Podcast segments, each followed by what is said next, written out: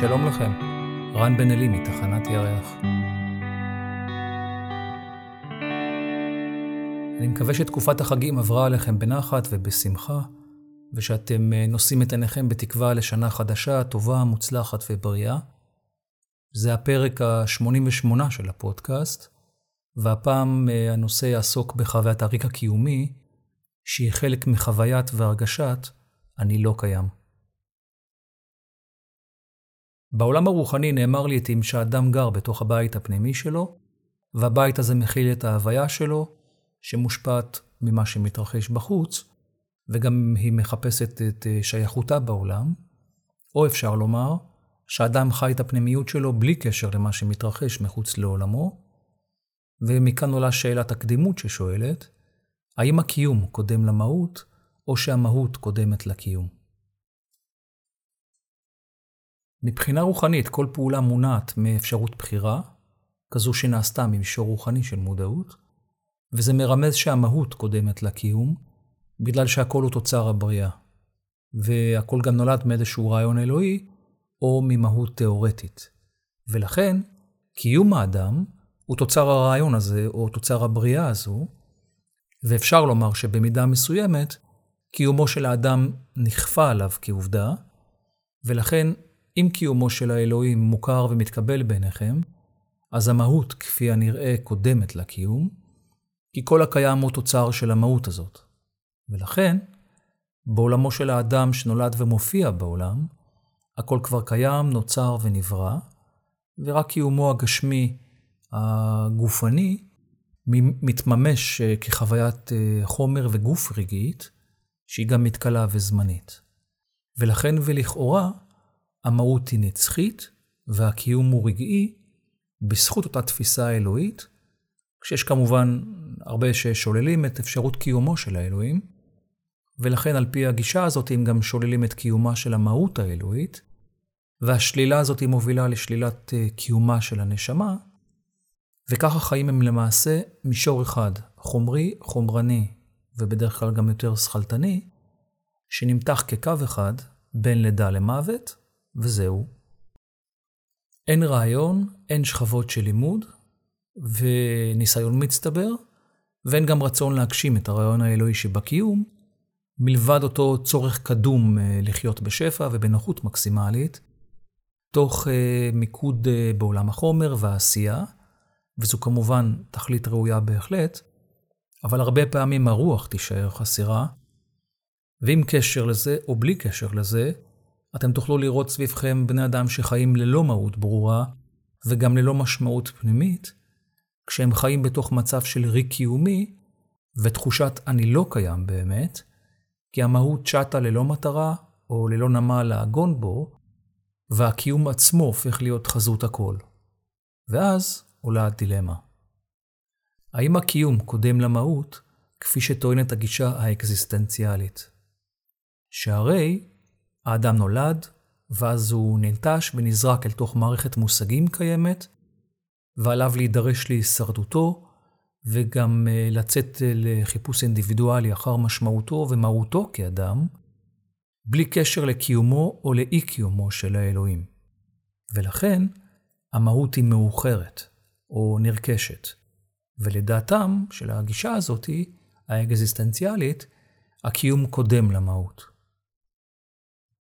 בסוגריים אני רק אומר שאני לא מתייחס כמובן לפרשנות למושג האלוהים, כפי שהיהדות האורתודוקסית למשל עוסקת בו, כישות פעילה של שכר ועונש, שמביטה בנו מלמעלה, והיא כמובן גם רק שלנו, והאלוהים הוא ישות שעוסקת במלאכה של הבריאה וההרס בעולם, והניסיון הבלתי מוצלח אולי, להשליט סדר במהומה ובכאוס שהאדם יוצר בעולמו של האלוהים, אלא אני מתייחס רק אל מושג האלוהות האוניברסלי כאנרגיית אם, שבה כל הנשמות הקיימות בעולם שוות בפני הבריאה, כי כולנו אחד.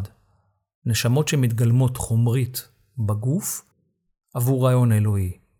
ולכן הנשמה בעצמה היא חלקיק אלוהי, והיא נצחית, ולכן אי הכרה בכוח האלוהי שבתוכי, הוא גם אי הכרה בחלק הנשמתי שבי, שעבור מימושו אני חי. אני ניסיתי לאורך פרקים רבים בפודקאסט הזה להראות גישה שיש בה משהו מהדומה לגישה האקזיסטנציאלית, במובן החופש של הרצון, משמעות החיים, החיפוש האינדיבידואלי אחר המהות, האבסורד החומרי והבדידות הקיומית, במובן של התמודדות עם העצמי, ועדיין הגישה האקזיסטנציאלית עוסקת בקיומו של האדם כישות עצמאית שננטשה בעולם, ומכאן בדידותו, ולכן הקיום קודם למהות, וזו הסיבה שהאדם גם אחראי לעצמו, בלי קשר להימצאותה של אה, מהות אלוהית, נשמה, או כל כוח אחר, כי עצם החיפוש העצמי נובע מאותה נטישה ובידוד, והוא זה שמניע את הצורך של האדם להגדיר את משמעותו ואת מהותו כאדם חופשי, שהוא אחראי בלעדי על קיומו ועל חירותו. כאשר הקיום קודם למהות אומר שיש כאלה שחיים ללא מהות וללא משמעות, והם עדיין קיימים, אבל אם הם לא יחפשו את משמעותם בעצמם, יהיה להם כנראה סיכוי לא רע למפגש עם הרגשת ריק קיומי ותחושת אני לא קיים באמת. ריק קיומי יכול להיות מתורגם לחוסר משמעות ולחוויית תלישות. חוויה שבה אדם לא מבין עבור מה הוא קם בבוקר, לא ברור לו עבור מה הוא חי, והוא רק יודע שהוא לא רוצה למות. לא בדיוק ברורה לו הבחירה, הדרך וגם המטרה של החיים הללו, כי החוויה הבסיסית שלו היא בדרך כלל חוויה חסרה של חוסר הצלחה, ואולי בינוניות, כאשר המוצא מתוך המצב המתסכל הזה הוא הרבה פעמים לחפש מושא חדש של אה, תשוקה, בתקווה שהוא יפתור את הרגשת הריק הקיומי, וזו בדרך כלל גם תהיה צורה מסוימת של תשוקה למשהו שנראה כמו אה, מוצר צריכה, או הישג, או משהו גופני, שגם הוא מוגדר כאובייקט, שבהמשך הדרך יתגלה בדרך כלל כדבר ריק, עד אשר האדם יבין בעומק ליבו ובעומק הווייתו מהי משמעותו כאדם, מה הוא מחפש, מהו רצונו ומהו ייעודו האמיתי. מוטב להשתקקות האדם להיות מופנית להגשמת מהותו ומשמעותו כאדם, ולא אל תחרות אל יעדים והישגים שאמורים לקרב אותו אל העושר הדמיוני, באמצעות תחרות עם עצמו. יש כאלה שתולים את אה, משמעות אה, ומהות האדם כאיזושהי פרשנות לרעיון האלוהי, אולי בצורה של דת או ארגון כזה או אחר, וזה גם סבבה לגמרי, אבל הרבה פעמים למעשה מקבלים על עצמם איזושהי מערכת מושגים מוכתבת ומעובדת, שכמובן עליהם לקבל אותה כפי שהיא, אחרת הם יתקשו להתקבל ולהרגיש שייכים לאותה מסגרת.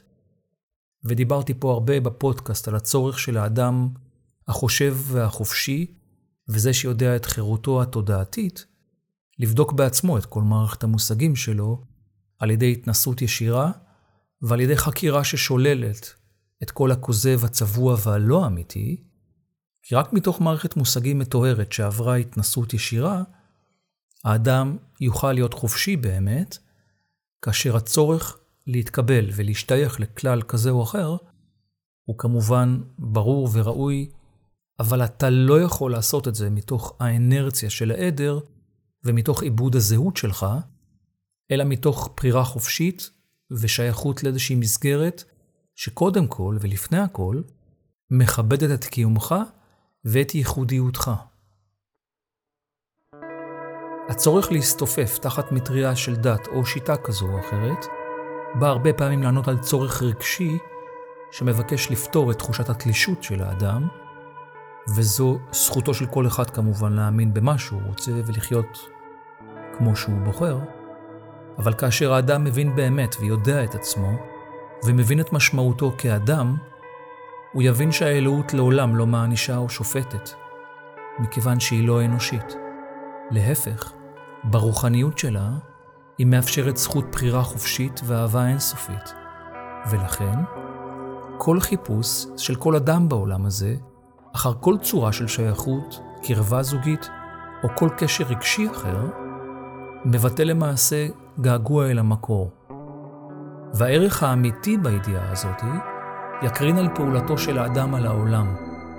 ועצם הפעולה הזאת משחררת אותו מהבדידות המייסרת של האינדיבידואליסט המבודד ומהעמדה האפשרית של הקורבן הננטש, אל עבר עמדה שהיא הרבה יותר מוצקה, שהיא מתארת את האדם הפועל, היוזם, וזה שמממש את עצמיותו, תוך כדי שהוא לוקח אחריות על כל הבחירות שלו, ומכאן החוויה האישית שלו הופכת עם הזמן לאיזושהי חוויה מתרחבת, כי האחריות לעצמו היא למעשה האחריות לכלל האנושות. הלא, הוא חלק מאותה בריאה, וכולנו אחד. ויש בחוויה הזאת שייכות מספקת, שמבטלת את כל הרגשת הבידוד והקורבנות האפשריים.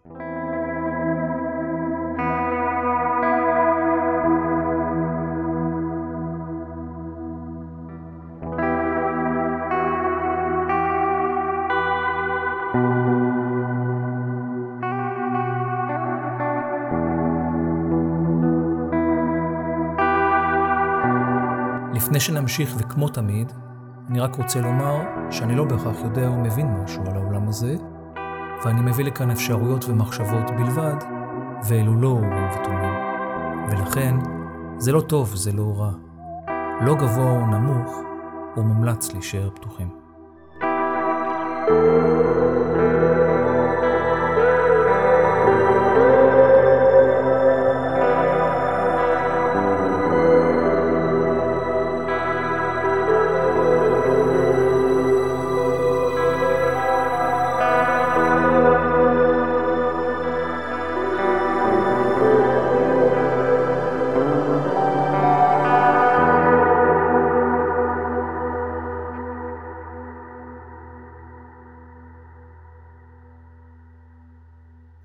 ריק קיומי מתאר חוויית חוסר משמעות, שקשורה או לא קשורה לקשר עם האלוהות, ובכל מקרה האדם עומד בתוכה הלום, מבולבל, מתלבט, ולא בהכרח יודע לאן לפנות, ולא בהכרח יודע האם עליו ללכת בעקבות אחרים, או בעקבות עצמו, כי תכלית קיומו לא ברורה לו, וזה כמובן גם מסב לו כאב, כי בתוך תוכו הוא יודע וזוכר שאמורה להימצא בו איזושהי תכלית ומשמעות פנימית, שתבהיר את המטרה ותוביל להחלטה, לבחירה וגם לפעולה שתעמיד אותו במקום ברור, שבו הוא יודע והוא מבין שהוא האחראי הבלעדי על החיים שלו ועל החירות שלו, וכך הוא יוכל להשתחרר מהרגשת הבידוד שהוא חש, שמרמזת על כך שאין תגובה לרעיונות ולמחשבות שלו, וכך הוא מרגיש בודד, ושואף לפזר את הערפל התודעתי שממסך אותו בענני רגש כבדים, של אה, דיכוי עצמי ודכדוך, שרק מגבירים את ההרגשה שהוא לא יודע לאן לפנות, לא יודע על מה ועל מי לסמוך, ולא יודע במה לבחור, ולאחר זמן מה, בהרגשה כזאת או בחוויה שכזאת, האדם מובא להרגשת אני לא קיים, ולערעור עצמי שמבקש פתרון. הזכרתי פה לא מעט פעמים בפודקאסט הזה את עובדת התרחקותה של הנשמה מהמקור, ושכחת דרכה הרוחנית, התאהבותה בתהליך החומר, כאחד התהליכים הקשים בתוך העולם החומרי, והפיכת החומר בידי האדם לשליט בלעדי, וכך הרוח נזנחה, ויש לזה השלכות עצומות על בני אדם ועל דרכם בעולם הזה. עולם החומר יודע רק דרך אחת, והיא מבחן התוצאה. הכלים של עולם החומר מופנים למטרה של השגת כוח ושליטה, כי זה המשחק בעולם החומר, ולכן גם כעת עיני רבים בעולם הזה מופנות למטרה אחת כוללת, שהיא אפשרות הרחבת הבעלות שלהם על רכוש, שהיא למעשה שלב נוסף בשעבוד הכללי של הטבע, מתוך אמונה שהטבע הכאוטי יכול להיות מכוון על ידי בני אדם, שלא בהכרח חפצים באיזונו האמיתי, אלא באפשרות שלהם לכוון את הטבע כרצונם ולעשות בתוכו מניפולציות על מנת למצות את המשאבים שלו, שאומנם וכמובן נועדו לקיומם של בני אדם, אבל בהתנהגות חסרת הכבוד אל הקיים והטבע, כל תהליך השיעבוד הזה מוכיח בכל פעם מחדש שהמשבר האמיתי הוא לא אקלים הכדור שאנחנו חיים עליו, אלא האמונה שהעולם בשליטתנו. כאשר אתם מביטים בעיני האחר, אתם מביטים דרך חלון עיניו אל נשמתו, וזה אישור על אה, חיבור עמוק, חשוב וודאי שכל אדם בעולם הזה חווה. אני לא מיסיונר, ואני לא בא להוכיח כאן את קיומה של הנשמה. כמו תמיד, זו זכותו של כל אחד להאמין במה שהוא רוצה. אבל אני נוטה להעריך שמי שמקבל את נצחיותה של הנשמה, קיבל עם הידיעה הזאת גם איזושהי הקלה אולי בחיים שלו, כי ידיעת המקור יוצרת שייכות עמוקה, שמונעת היצמדות לנושאים חסרי תועלת, וכך גם קל הרבה יותר לתפוס את הזמניות והארעיות הקיומית שלך בצורה מיטיבה, ואולי אף לעלות שלב ולחוות את החיים הללו כמו תייר שרק הגיע לבקר לרגע בעולם הזה, והוא תואם וחווה את מנהגי המקום, מתערבב ומתנשא בהם, הוא אוסף את החוויות שלו, ואז הוא ממשיך הלאה בדרכו, בגלל שהתשוקה האמיתית שלו היא לממש את העצמיות שלו באין סוף דרכים, ולא בכך להתקבע בנמל הבית הראשון שבו הוא מרגיש נוח, כי אז, והרבה פעמים, חוויית החיים פשוט חוזרת על עצמה שוב ושוב ושוב. ולכן, חלק מההרגשה של ריק קיומי נובע בהרבה מקרים מהכניעה והוויתור על אפשרות של תאוצת ההתפתחות. שבמקומה יש התמקדות בחלק צר יחסית של החוויה, שהביטוי שלו הוא הפניית המבט, תשומת הלב והמשאבים, אל הצורך הראשוני והרגשי שמבקש ליצור מסגרת ודאית של ביטחון, שתקבע את האפשרויות, ולא תאפשר תזוזה בנושאי החיים השונים, ולכן ובמקרים מסוימים, חייו של האדם בגיל 30 תואמים בהרגשה שלו לפעמים את החוויה שלו בגיל 60, כי רבים חווים את אותו מישור, עוסקים באותם נושאים, רואים את אותו נוף, וחוזרים על אותם חוויות שוב ושוב ושוב. כי האדם מאמין שהחזרתיות יוצרת ביטחון, וזו המטרה האמיתית.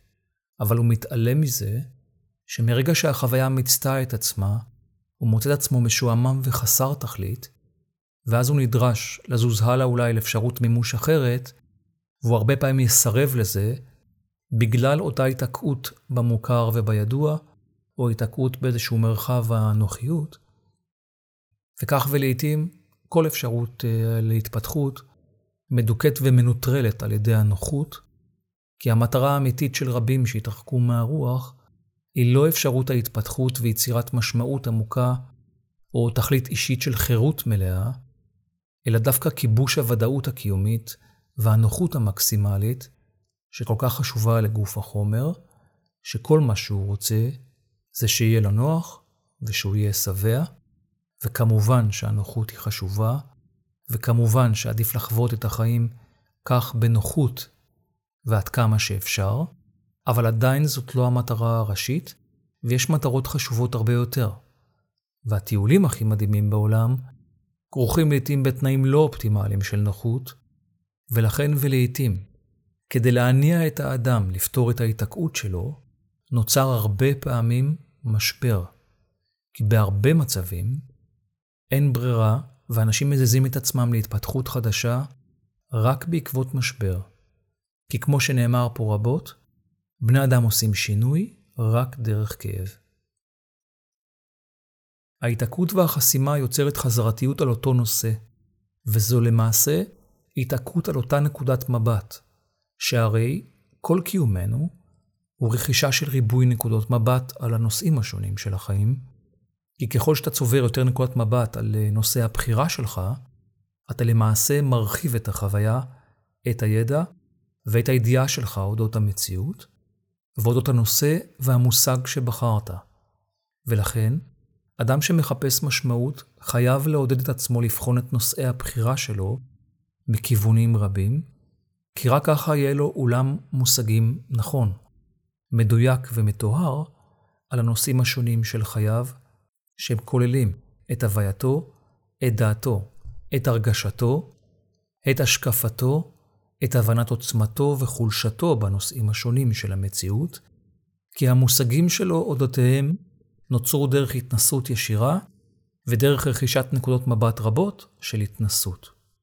בו בעת, שכאשר האדם נתקע על אותה נקודת מבט שוב ושוב, כי ממנה הוא מרגיש נוח, אז לא מתאפשרת הרבה פעמים פעולה שתשנה את כיוון המבט שלו ותניע את ההתפתחות האחרת שתעשיר את החוויה, כי לרבים לא נוח לשנות את נקות המבט שלהם, כי מבחינתם, נקות המבט שהם רכשו בהתנסות שלהם, גם היא סוג של ביטחון ונוחות, והם שואפים להרגיש נוח עם המושגים שלהם על המציאות, גם אם המושגים בחיים שלהם לא תמיד ברורים ובהירים, וגם אם הם הוכתבו להם והושרשו אל התודעה שלהם, על ידי אותה מערכת שרצתה לשעבד ולצמצם את החירות שלהם.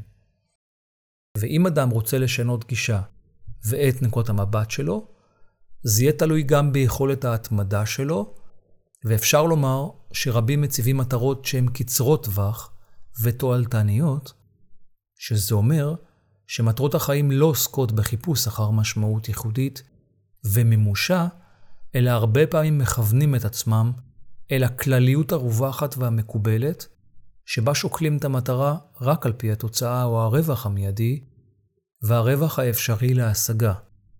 כי מתבוננים על החיים מעיני עולם החומר, שמבקש תוצאה, ולא מעיני עולם הרוח, שרואה, מתבונן וחוקר את מטרות החיים ארוכות הטווח, שקשורות להגשמת הייעוד והמשמעות שלי כאדם.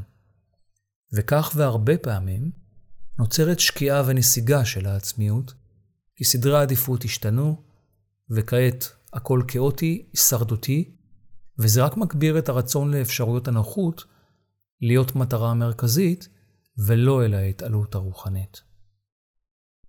אנחנו חיים בזמנים שיש רבים שנמצאים בהרגשה שהם בין הפטיש לסדן, וזה מוביל ללאות ולעייפות מהדרך, ובהמשך להרגשת ריק קיומי, בגלל שהמשמעות והמהות הרוחנית מתרחקות מהאדם, והוא גם עלול להפסיק באיזשהו שלב לחפש מטרות חדשות, כי הוא נכנע למצב.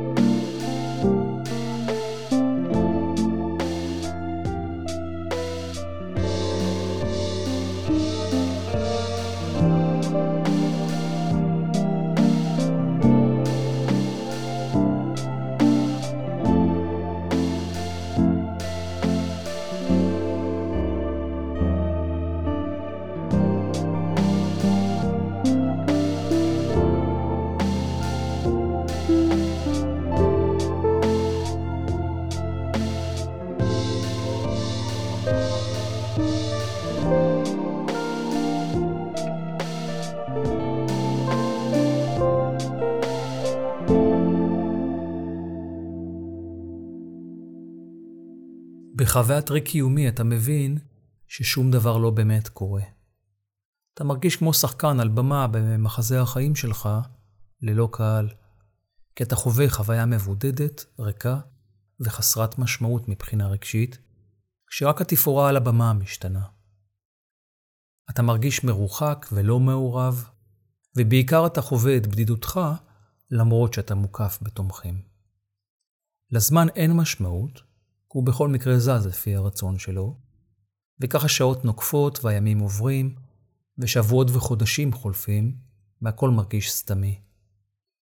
הכל מרגיש לא ברור, ושמתרחש בלי סיבה מיוחדת, כי אתה מרגיש שאתה רק מתפקד ושורד, ולא באמת חי. הלא הרגשת אה, ריק קיומי היא הרגשת אני לא קיים באמת.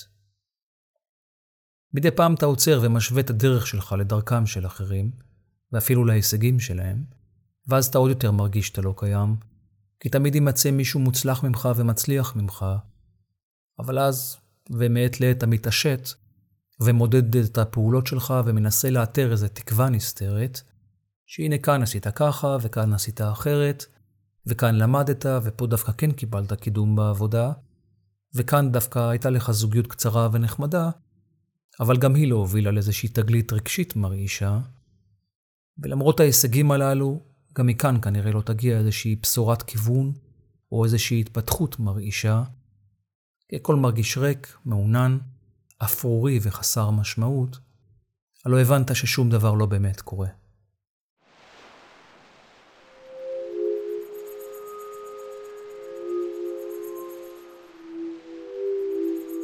מעת לעת הבדידות מייסרת, כי אתה מדבר לעצמך ולא שומע שום הד של שום דבר, ויש ניסיון פתאום לעורר את הגוף ואת הנפש, ואולי להדליק איזה אור בבית הפנימי, אולי למצוא כיוון ורמז לאיזושהי תנועה, כי למרות הרגשת אני לא קיים והריק הקיומי, האדם עדיין חולם ומשתוקק לזה שתהיה תנועה בבית הפנימי שלו, שתהיה תקשורת, שדלתות הבית הפנימי יהיו פתוחות ויזמינו אולי חברים וקרובים, שקירות הבית הפנימי יהיו צבעוניים ומקושטים, ושהתנועה תהיה בו נמרצת, שמחה ומלאת השראה, כאילו הזמן לא עובר סתם כך ובלי סיבה, אלא דווקא דוחק וקצר רוח, ומתריע שהנה השמש כבר שוקעת, אבל יש לך עוד כל כך הרבה דברים שאתה רוצה לחוות ולעשות לפני שהשמש שוקעת.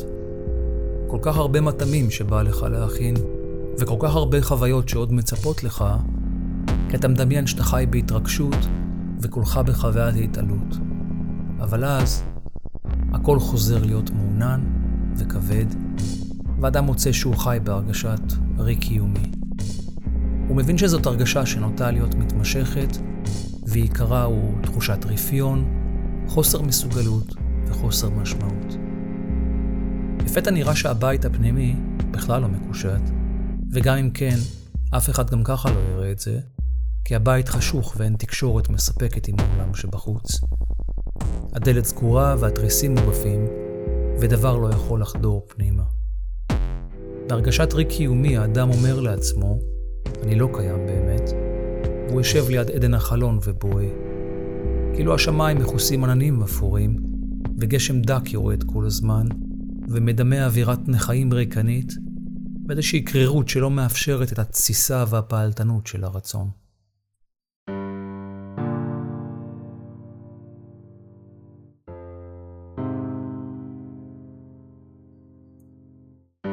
ריק מכיל בתוכו את כל האפשרויות הקיימות, כי זה טבעו של הריק. אבל כאשר הריק הוא קיומי, אז הרגש כבד ותקוע, ונושא משקל רב של תסכול, פחד או פגיעות, ודבר לא יכול לזוז במצב הזה, שגורם למיסוך ולערפול תודעתי. ככל שעובר הזמן, האדם מתערער לחוויית חוסר ביטחון, והוא מאבד את היכולת להחליט וליזום, ואולי אפילו הוא שוקע לי איתו בתוך ריק קיומי, שהוא לא יכול לצפות את מועד סיומו.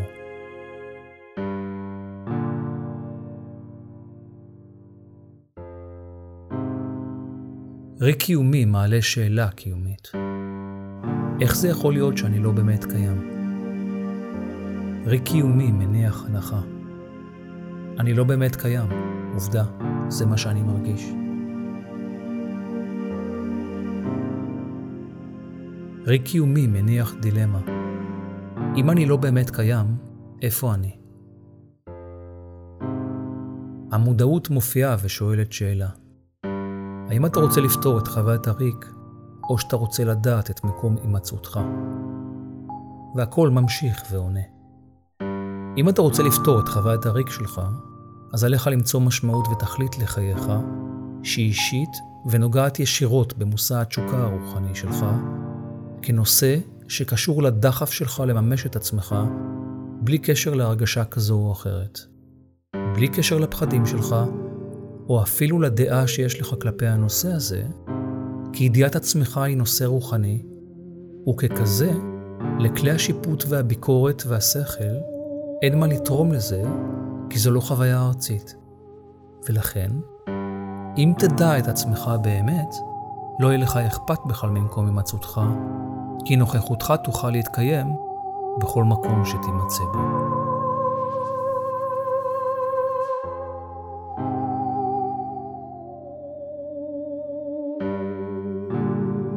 ריק קיומי שואל שאלה. בהנחה שאני מוכן להקדיש את חיי על מנת למצוא משמעות ולממש את עצמי, האם עליי ליזום את חיי, להמציא, לרדוף, לדחוק ולהזיז את המציאות, או שאני אמור לשהות באיזשהו מצב של המתנה וסבלנות, שבו הדברים יגיעו אליי ללא מאמץ, ואני אשמור על עצמי במצב של המתנה, קבלה והכלה.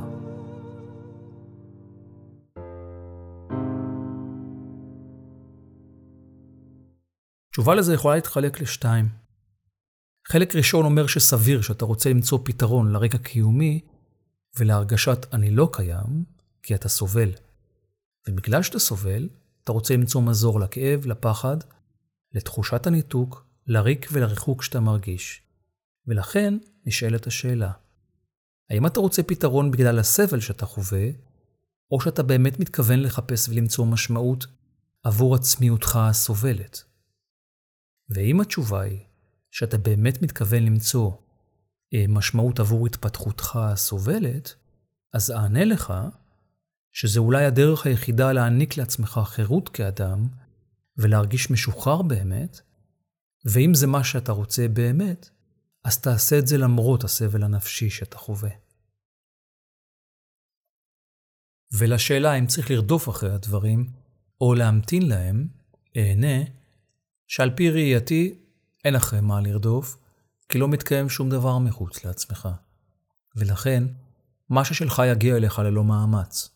אבל, עליך לסרב לאפשרויות שבו ההמתנה הופכת לרפיון, ההקשבה הופכת לחוסר משמעת עצמית, והפתיחות יתר הופכת לזלזול, כי כל דבר מכיל את זרע היפוכו.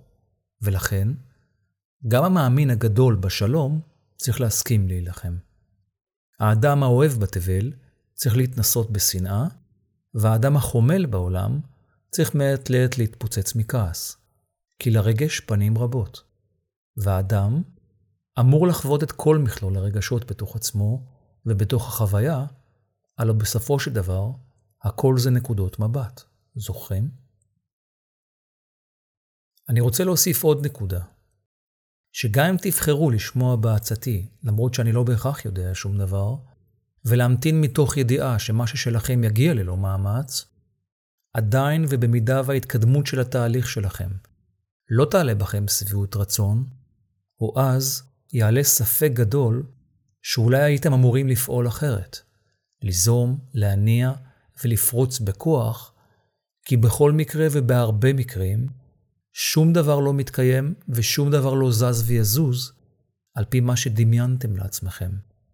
וזה קורה בגלל מעורבותו של השכל בתהליך וברצון שלו להפוך את כל התהליכים לחוברת מתכונים. כשאדם נמצא במצב של ריק קיומי והרגשת אני לא קיים, הוא מרגיש עטוף בענני רגש כבדים, ולעיתים הוא מתאר את זה כמצב של חרדה קבועה, והרגשת ניתוק וריחוק, שאותם הוא מבקש לפתור כי הם מסבים לו סבל. ושוב אומר, הרבה פעמים מה שהאדם באמת רוצה, זה הקלה בסבל הנפשי שלו, ולא את פתרון הבעיה.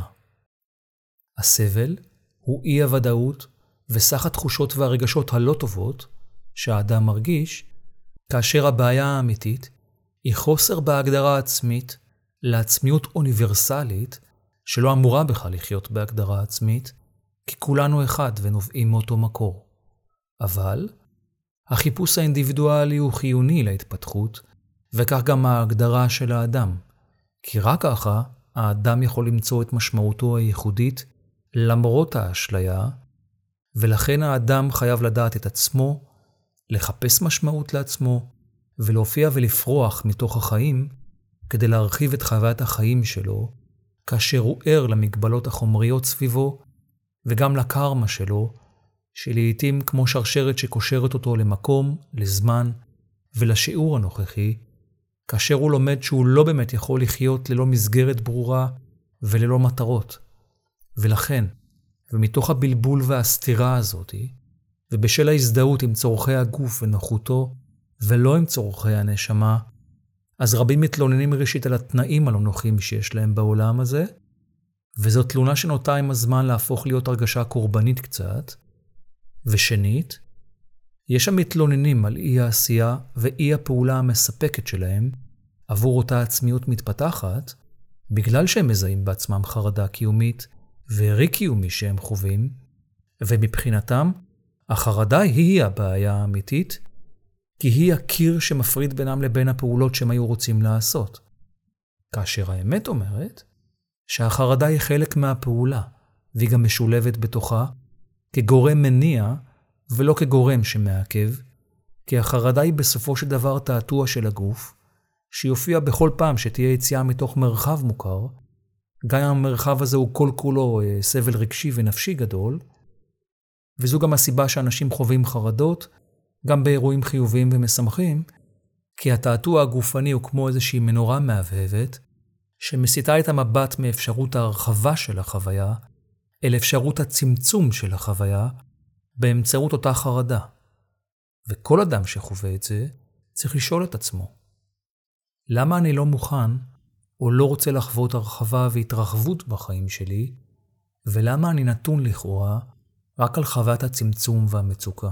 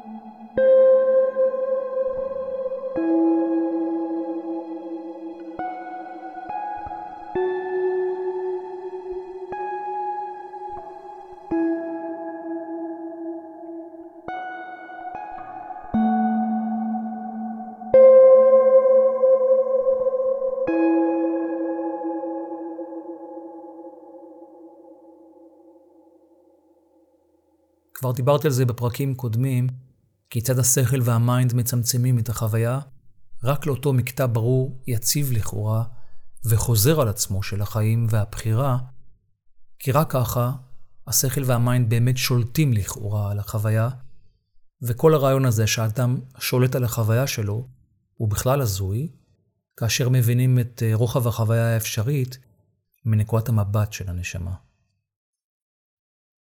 השכל ובעקבותו ה mind נוטים לצמצם את עולם החוויה רק על פי הזיהוי החומרי ועל פי גבולות הביטחון של האדם, על ידי איזושהי הפעלה של מנגנון חסימה וערפול, שהתפקיד שלו לחסום את הרגשת חוסר הוודאות ואת החרדה ואת הפחד, ולצמצם אותם רק אל מקטע צר שבו הם מרגישים נוח על פי רמת השליטה שלהם, ולא על פי זיהוי החוויה, ההרגשה או האינטואיציה של האדם. ולכן, אנשים מזהים את החרדה שלהם רק בתחומים ספציפיים, למרות שאצל רבים החרדה היא נושא קבוע על כל רוחב החוויה, גם אם היא לא מתבטאת בהתקפים והיא בהתפרצויות, אלא רק בתחושת חוסר שקט פנימית אה, קבועה, ומבחינה רוחנית זה קורה כשאין תיאום של הקצב בין העולם הפנימי לבין העולם החיצוני, והאדם נע ופועל בעולם על פי מה שמצופה ממנו, ועל פי קצב מתגבר ואינטנסיבי בדרך כלל, כאלו הזמנים, כי החוויה מואצת, כאשר מבחינה רגשית ועבור רבים, יש ירידה משמעותית ביכולת ההכלה שלהם, ולכן הם זקוקים דווקא להאטה, על מנת שהרגש יהיה מתואם תודעתית, והאדם יוכל להכיל ולקלוט ולאבד את מה שמתרחש, כקשר ישיר בין זיהוי המציאות שלו ליכולת ההכלה שלו, ולא לחוות את זה כגודש עצום של נתונים ואירועים שמאיימים לפרק אותו מבחינה נפשית, ומכאן החרדה. וכאן, השכל החכם בא ועוזר כמובן להרחיק את המציאות הלוחצת על ידי ערפול של הזיהוי בתוכה וצמצום הקליטה התודעתית למערכת מושגים מאוגדת על מנת לחסוך בנתונים מהתודעה ולצמצם את הזיהוי הפרטני, כמו שהסברתי בפרק על התודעה, שעץ זה עץ וכל העצים זה עץ, אז מה זה משנה איזה עץ אני מזהה באופן ספציפי? העיקר שהגדתי את הזיהוי של עץ תחת המושג הנכון, ועשיתי את זה כמובן רק בשביל לחסוך נתונים ולהקל על העומס שאני חש, וזה ברור שעם הזמן נוצרת בעיה בזיהוי המושגי של המציאות, גם כלפי נושאים אחרים. כי גם כל החרדים זה אותו איגוד uh, מושגים, וכל הערבים, וכל הימנים, וכל השמאלנים, וכך התודעה מאבדת את יכולתן לזהות נכון את המציאות, וכך ערבוב מושגי יוצר כאוס, כי אין משמעות לייחודיות של האדם, שזה כל מה שדיברנו בפרק הזה, אלא משמעות להיותך עבד מוכלל בתוך מושג, שזה דבר שמצמצם את החוויה, את הזיהוי התודעתי, ובעיקר את החרדה שמובילה עם הזמן להעמקה של הרגשת ריק קיומי, כי האדם הייחודי והאינדיבידואלי, שמחפש את משמעותו כאדם חופשי, מוצא, כנראה, שהתנאים החיצוניים מקשים מאוד על הדרך שהוא שואף לעשות אה, בתוך עצמו, והם מוליכים אותו לפרקים אל חוויית אני לא קיים באמת, כי בזמנים הללו שאנחנו חיים בהם כעת, זכויות אדם וחירותו של האדם זה נושא פחות נחשב, כי האדם הוא לא נחשב אנושי, הוא לא חושב ולא מרגיש, אלא מתייחסים אליו יותר כמו אובייקט ומוצר שצריך לנהל, וזה מה שמסמל יותר מהכל את ההתרחקות של האדם מהרוח ומשבר הריק הקיומי.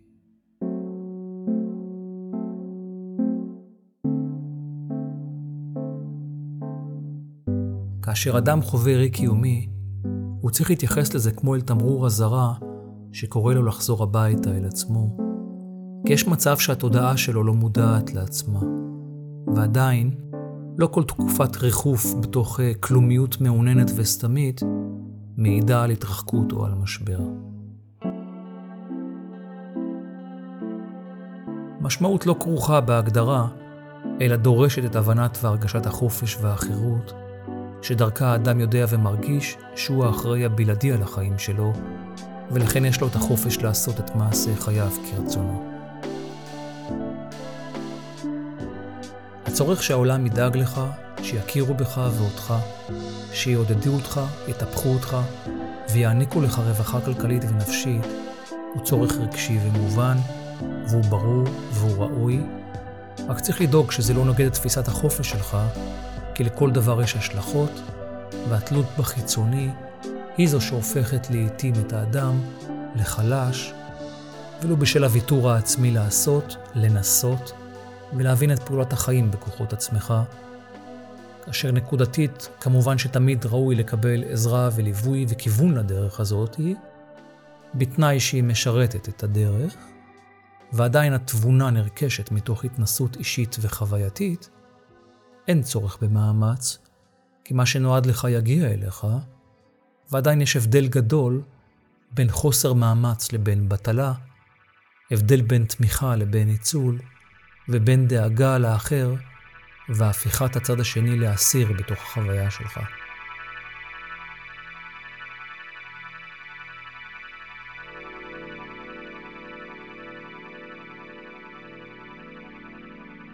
האדם המודע לא נרתע ממאמץ, אבל הוא יודע שחוסר מאמץ לא כרוך בפעולה פיזית של מנוחה ועשיית כלום, אלא בעשייה מתוך קלות, וזה כרוך בתפיסה שלך את הדברים, ולא במאמץ הפיזי והנפשי שלך, כי בחיפוש אחר משמעות עצמית, יש שלבים שעלולים להיות גם מעייפים ומשבריים, אבל זה לא נחשב בכלל כמאמץ, אלא כשלב הכרחי בדרך.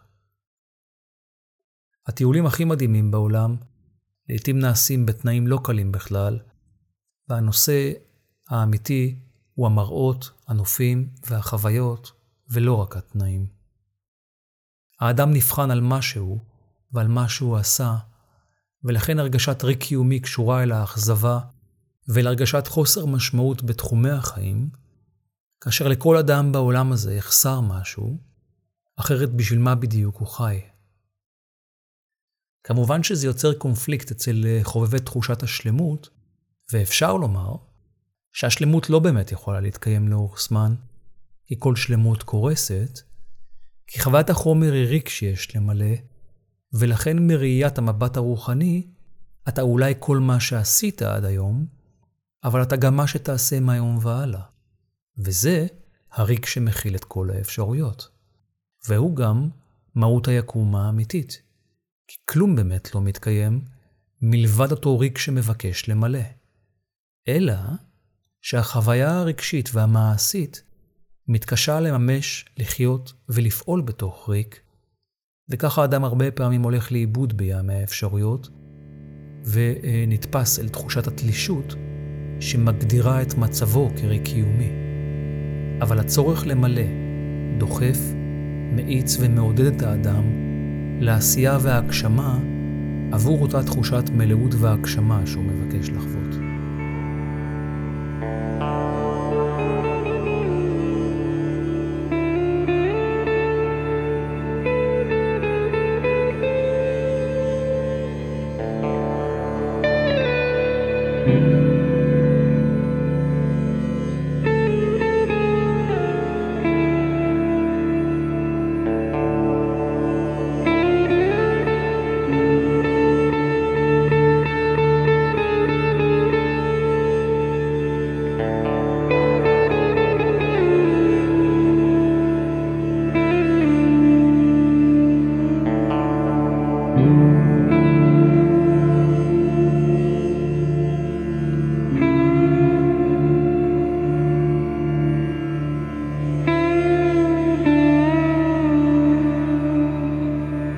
רבה לכם על ההאזנה. אתם מוזמנים בשמחה לשלוח שאלות לתחנת ירח בכל נושא שתרצו, לשתף סיפורים וסוגיות שאתם מתמודדים איתם בדרך. אפשר לפנות אליי בשמחה דרך אתר האינטרנט של תחנת ירח, בקישור moonstation.co.il, או בוואטסאפ או בפייסבוק, והיום גם אפשר uh, uh, לכתוב הודעות uh, למי שמאזין בספוטיפיי. דרך ספוטיפיי, וזה גם כן מגיע אליי. ובנוסף אני גם אשמח מאוד אם תשתפו ותדרגו את הפודקאסט בספוטיפיי ובאפל פודקאסט.